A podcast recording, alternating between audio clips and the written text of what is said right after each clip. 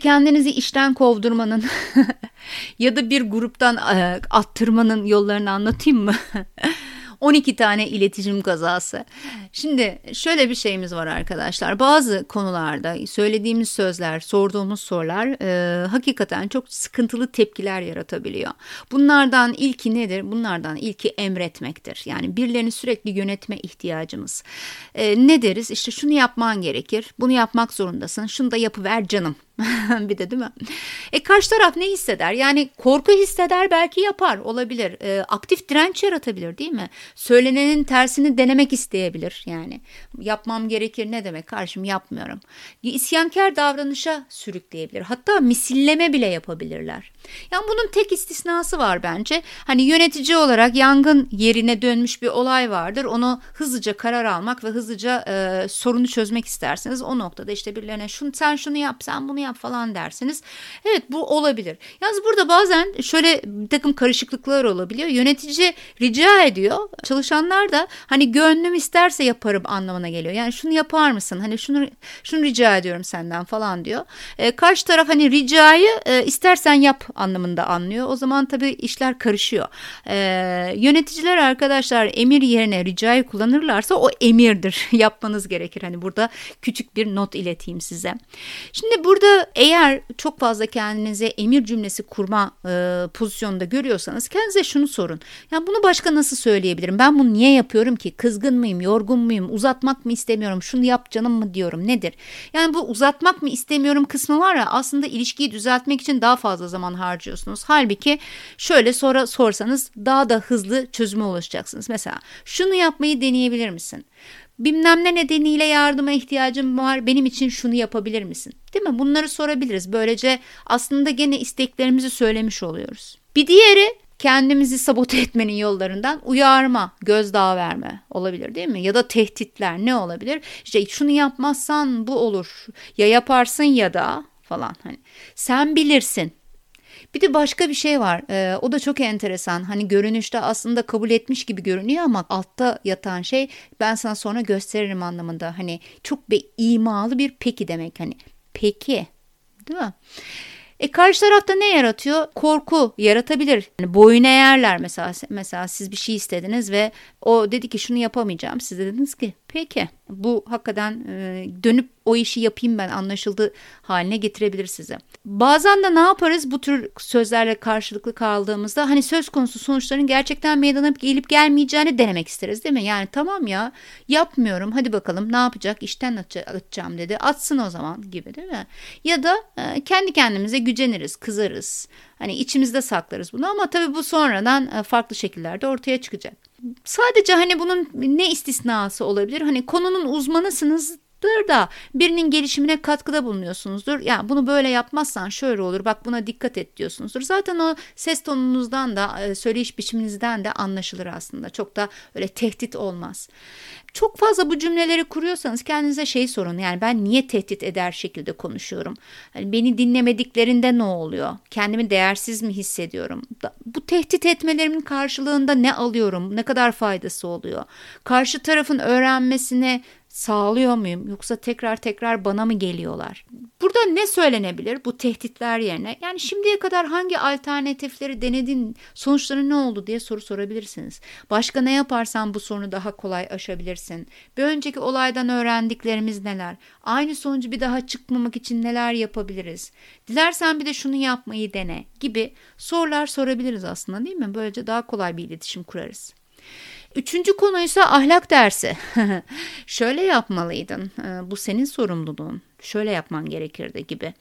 Ee, bunlara tepkimiz ne olur? Yani Bazen şiddetle kendimizi savunuruz. Ya sana ne? Hani sen kim oluyorsun? Niye böyle yapmalıydın diyorsun? Niye benim sorumluluğum diyorsun ki diye. E, bana güvenilmediğini yani o sorumluluk duyguma da zarar geldiğini düşünüyorum o noktada.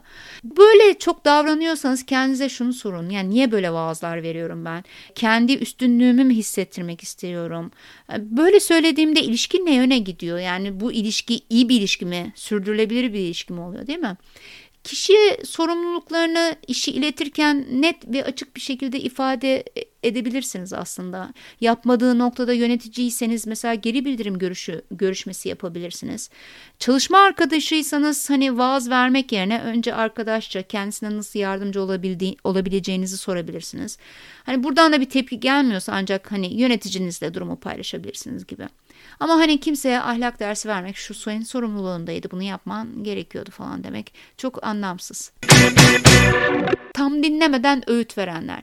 Direkt çözüm getiriyor, fikir veriyor falan size ağzınıza hani konuyu tıkıyor. Siz daha anlatamıyorsunuz. Ben olsam şunu yapardım. Neden böyle yapmıyorsun? Bence de şöyle. Sana şunu öneriyorum bak falan. İşte bunu yap kesin. Ay şu çok güzel. İnsana yani bana en bariz iş, e, hissettirdiği duygu kendi sorunlarımı çözmekten aciz olduğum düşüncesi. Yani ben acizim de o bana sürekli bir şekilde önerilerde bulunuyor. Fikir veriyor kişinin sorununu bütünüyle düşünüp değişik çözümler getirip e, seçenekleri denemesine de engel olan bir şey. Yani ben eğer sürekli birisinden öneri tavsiye alıyorsam şunu da yapabilirim. Gidip gidip ona sorabilirim. Ha, bir süre sonra ne olacak? Sürekli ona soracağım. O zaman ne olacak? O bana sö- ne söylüyorsa yapacağım. Böylece sorumluluğumu aslında paylaşıyorum değil mi? Hesap verilebilirliği kalkıyor ortadan kişinin. E, bağımlılık yaratabiliyor yani. Kişiye sürekli gitmek, kişiden sürekli bilgi almak, e, sormak, onun tavsiyeleriyle e, çalış, iş yapmak gibi. Eğer bunu sıklıkla yapıyorsanız kendinize şunu sorun. Yani öncelikle bana sordu mu? Değil mi? Benim bu konuda fikir öne sürmemi, öneride bulunmamı istiyor mu? Eğer diyelim ki bana sormadılar ama siz bir fikrin yanlış olduğunu gördünüz, fikrinizi beyan etmek istiyorsunuz. Ha böyle de olabilir. O zaman şunu düşünün. Bütün detayları biliyor muyum? Değil mi? Yani insanların ağzına tıkaya tıkaya gerek yok. Yani önce bir tüm detayları öğreneyim, konu hakkında bilgi sahibi olayım. Sonra sorular sorayım ve onların ne yapıp ne yapmadığına bakarak aslında hani fikir vereyim, önerilerde bulunayım değil mi? Belki bütün alternatifleri denediler canım. Çözüm yolu yok yani o da olabilir. Bu tür durumlar aslına bakarsanız bazen hani sıklıkla bize danışılıyorsa o da hoşumuza gidiyor. O zaman önerilerde bulunmak, fikirler vermek sürekli sürekli bir davranış haline gelebiliyor. Kendimizi değerli hissedebiliyoruz değil mi? Ama bu sıklıkla oluyorsa bu sağlıklı bir ilişki değil. Onu söylemeye çalışıyorum. Ama bunun yerine ne söyleyebiliriz? Mesela ancak bize sorulduğunda konuyla ilgili detaylı bilgi alabiliriz değil mi? Detayları öğrenip hani başka konu yardımcı olabileceğim bir şey var mı diye sorabiliriz mesela. Ya da siz neleri denediniz diye sorabiliriz. Tüm alternatifleri anlattıktan sonra ancak bunlara bakılırsa şöyle şöyle bir şey yapsak sonuçları ne olur siz ne dersiniz diye belki bir cümleyle soru sorarak onlara fikrinizi söyleyebilirsiniz söyleyebilirsiniz. Müşterilerde de bu genelde başımıza gelebiliyor. Ee, müşterileri etkin dinlemek lazım. Eğer onların yapamayacakları bir şeyse mutlaka neden ısrar ettiklerini veya başka çözüm yolları için yargılamaya içermeden detaylı sorular sormakta fayda var. Son noktada üzerine biraz daha düşüneceğimizi hani diğer uygulamalardan, araştırmalardan bakıp hani onlara bilgi vereceğimizi söyleyebiliriz. Ee, en fazla bir iki gün içerisinde de dönmekte fayda var. Ama müşteriye ısrarla işte şöyle yapmasın, böyle yapmasın demek de onları rahatsız edecek ve iletişimi kesecektir. Bir de mantık yoluyla inandırmaya çalışıyoruz değil mi? Yani işte bak bu nedenle hatalısın. Olaylar gösteriyor ki değil mi? Bunu daha önce de yaptık olmadı. En çok sevdiğim kısım bu. Ya da işte gerçek şu ki diye böyle arkasından vaazlar gelir. Yani bu karşıdaki kişinin savunmasını kolaylaştıran bir şey arkadaşlar. Çoğunlukla kişinin iletişimi kesmesine ve artık dinlememesine yol açan bir şey. Kişinin sorumluluk duygusuna güvenilmediğini gösteren bir şey. Yani kişi kendini beceriksiz hissediyor. Düşünsenize işte bu nedenle hatalısınız demek. Yani burada Kendinizi haklı çıkarmaktan hoşlanıyorsanız eğer de genelde bu tür e, sorular sorarsınız, bu tür e, cümleler kurarsınız. Haklı çıktıktan sonra ilişki nasıl oluyor ki değil mi? Yani haklı çıkmak mı yani ilişkinin e, sürdürmesini sağlayan unsur? Bu ilişkinin kalitesinden memnun olmayacağınız kesin. E peki ne yapabilirsiniz bunun yerine? Yani kalkıp da işte bu nedenle hatalısınız. Olaylar gösteriyor ki durum şöyle şöyle gelişmiş. Bunu da daha önce yaptık hiç olmadı falan demek yerine neler yapılabilir? Kök sebep ne olabilir? Bunu araştırmak lazım. Bu olayların bir daha yaşanmaması için ne tür önlemler almalıyız gibi sorular sorabilirsiniz. Şu nedenlerden şu sorunlar yaşanmış. Bunların bir daha yaşanmaması için şu şu maddelerin üzerinde düşünebilirsiniz diyebilirsiniz. Diğeri ise yargılama değil mi? Şunu düşün düşünmemişsiniz. E hani bunu yapacaktınız? Siz zaten baştan hatalısınız. Eh böyle olacağı belliydi. Hele daha da güzeli geliyor. Ben size demiştim. e burada karşıdaki kişi ne hissediyor? Kendini yetersiz, aptal ya da yanlış değerlendirilmiş hissediyor. Kişinin hedef olma ya da azarlanma korkusu var. O zaman ne oluyor? İletişimi kesebiliyor değil mi bu kişiler sizle? Sorumluluk duygusu gene zarar görüyor. Genellikle kişi yargı ve eleştirilere gerçek olarak algılıyor arkadaşlar. Yani ben beceremiyorum gibi.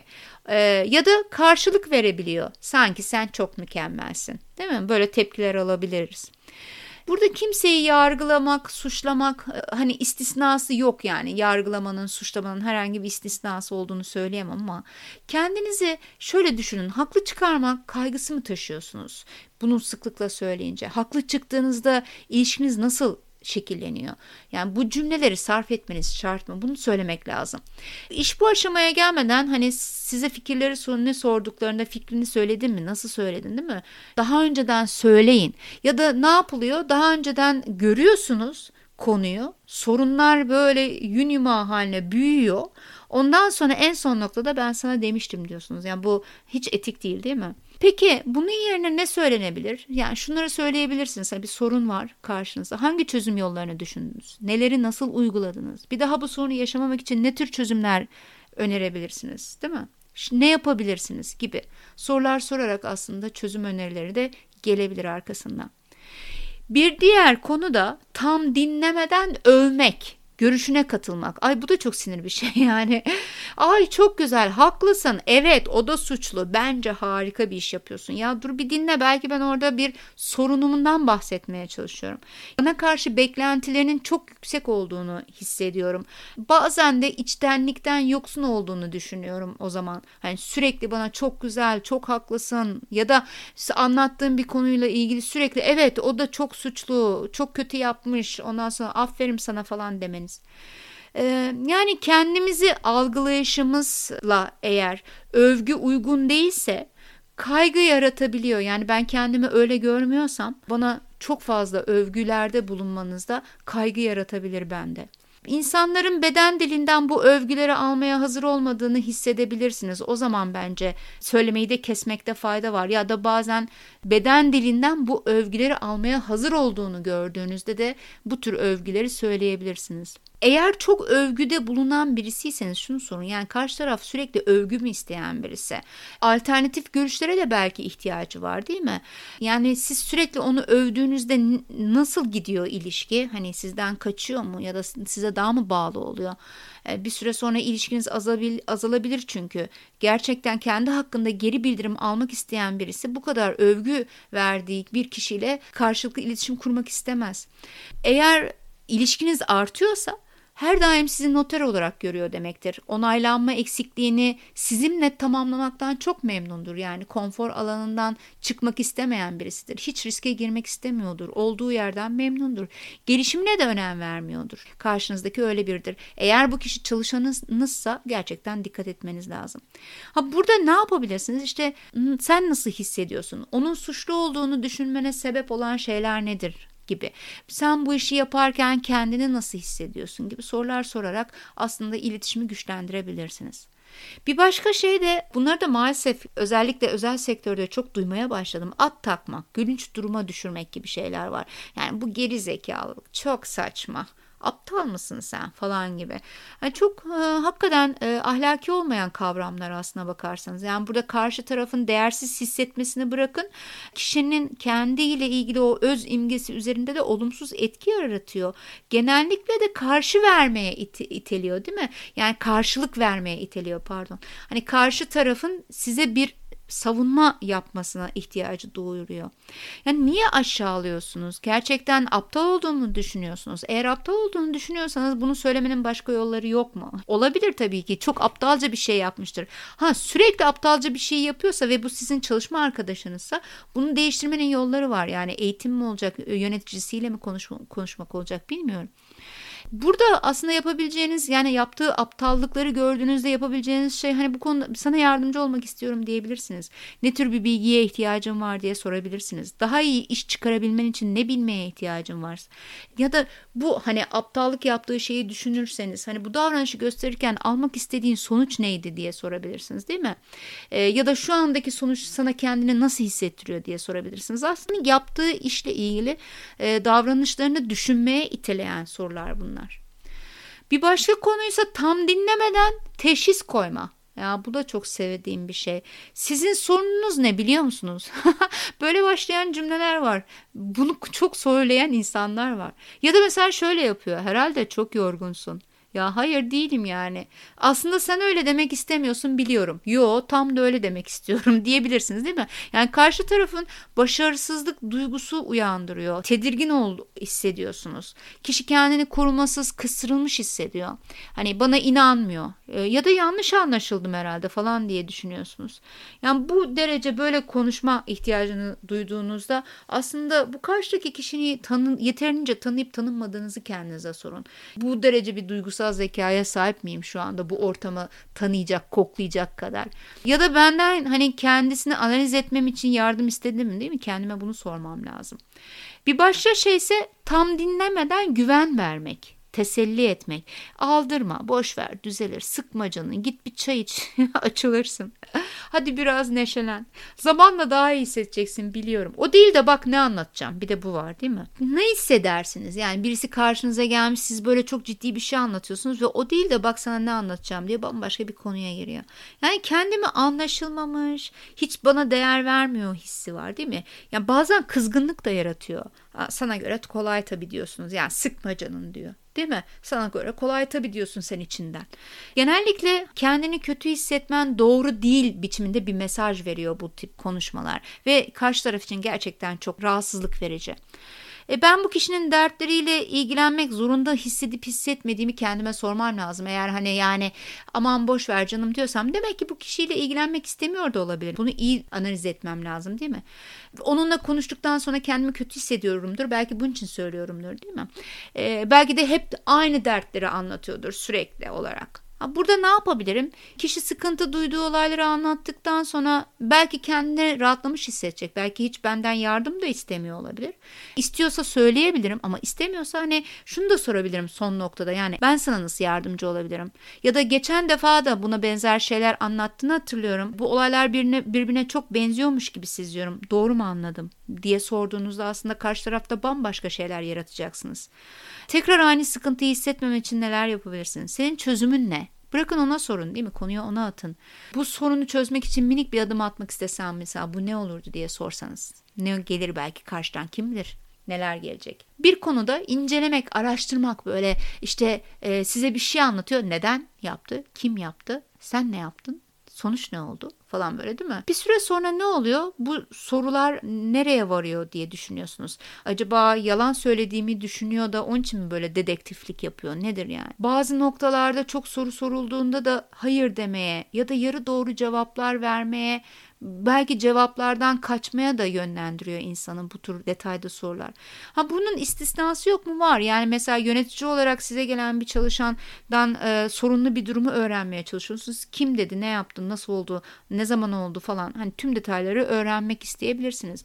O zaman e, şunu söyleyebilirsiniz. Hani e, tamam bunları anlatıyorsun da benim e, bütün detaylara ihtiyacım var. Detaylı anlatır mısın? Beşen bir k soruları vardır ya onları sorabilirsiniz. Ama eğer sıklıkla e, sosyal ilişkilerinizde böyle, bile böyle dedektiflik yapacak derecede soru soruyorsanız o zaman hani kendinize sorun bakalım. Yani birilerini suçlamak için mi bu bilgileri öğrenmeye çalışıyorum? Sonra bana yardımı olur belki de daha sonradan bu bilgiyi kullanırım diye mi? Olayları tam öğrenip öğrenmemek sizin ne işinize yarayacak? Bunu kendinize bir sorun derim. Ve son olarak konu değiştirmek, işi alaya vurmak, şakacı davranmak değil mi? Bir toplulukta yapılacak en güzel şey kendinizi oradan attırmak için. Ne denir mesela? Birileri bir şeyler anlatıyordur. Çok ciddi konulardan konuşuyordur. Daha güzel şeylerden konuşalım mı? Hadi şimdi işe dönelim. Şimdi zamanı değil. Ya da iş konuşuyorsunuzdur. Mesela birisi gelir aman iş konuşmayın. Ama tam da o sırada çözmek durumundasınızdır konuyu. Sinir olursunuz değil mi? Yaşamın güçlükleriyle savaşmak gibi bir konu var ve ben onlardan kaçıldığını hissediyorum böyle söylendiğinde. Hadi daha güzel şeyler konuşalım dendiğinde. E, ya da ne bileyim ben bir şey anlatırken söylerlerse bunu hani sorunlarım öme, önemsiz, çok saçma, gereksiz bunları bana anlatma dediğini düşünüyorum karşı tarafın. Eğer sıklıkla bu tür tepkilerle karşılaşırsam ne olacak? E, ben bir süre sonra e, o kişiyle hiçbir sorunumu paylaşmamaya başlayacağım değil mi? Yani bunun tek istisnası olabilir. Gerçekten konunun yeri değildir de bunu konuşmak için bir toplantı ayarlayalım diyebilirsiniz. Ya da bir kahve içerek hani bunu konuşalım. Belki daha özel bir konudur. E şu gün ve şu saatte ya da hadi gel şimdi bir 5 dakika çıkıp bunu ayrı bir yerde konuşalım diyebilirsiniz. Böyle çok fazla konuştuğunuzda hani şimdi işe dönelim zamanı değil daha güzel şeylerden konuşalım diye gibi böyle konuyu değiştirmeye çalıştığınızı gördüğünüzde kendinize şöyle bir soru sorun. Neden ben kaçıyorum acaba? Kaçtığım şey hep peşimden gelecek mi? evet gelir arkadaşlar. Yoksa yani sizin için gerçekten önemsiz bir konu mu? Bunlara bir düşünün bakalım. Niçin bunu yapıyorsunuz? E, o anda ne diyebilirsiniz? O an uygun değilse işte daha detaylı hakkını vererek dinlemek istiyorum seni. İşte senin için de uygunsa şu şurada bir kahve içelim diyebilirsiniz. İşle ilgili ve o anda dinlemeniz gereken bir şeyse işi alaya almadan, konuyu değiştirmeden ve şakaya vurmadan dinlemek ve üstüne düşen sorumluluğu almak gerekir arkadaşlar. Yani bazen de istemesek bile bazı şeyleri dinlemek zorundayız değil mi? Peki umarım kendinizi sosyal ortamlardan ve işten attırmaya çalışmıyorsunuzdur. Beni o amaçla dinlemediğinizi düşünüyorum, tahmin ediyorum. O zaman bir sonraki yayınımda görüşmek üzere. Hoşçakalın.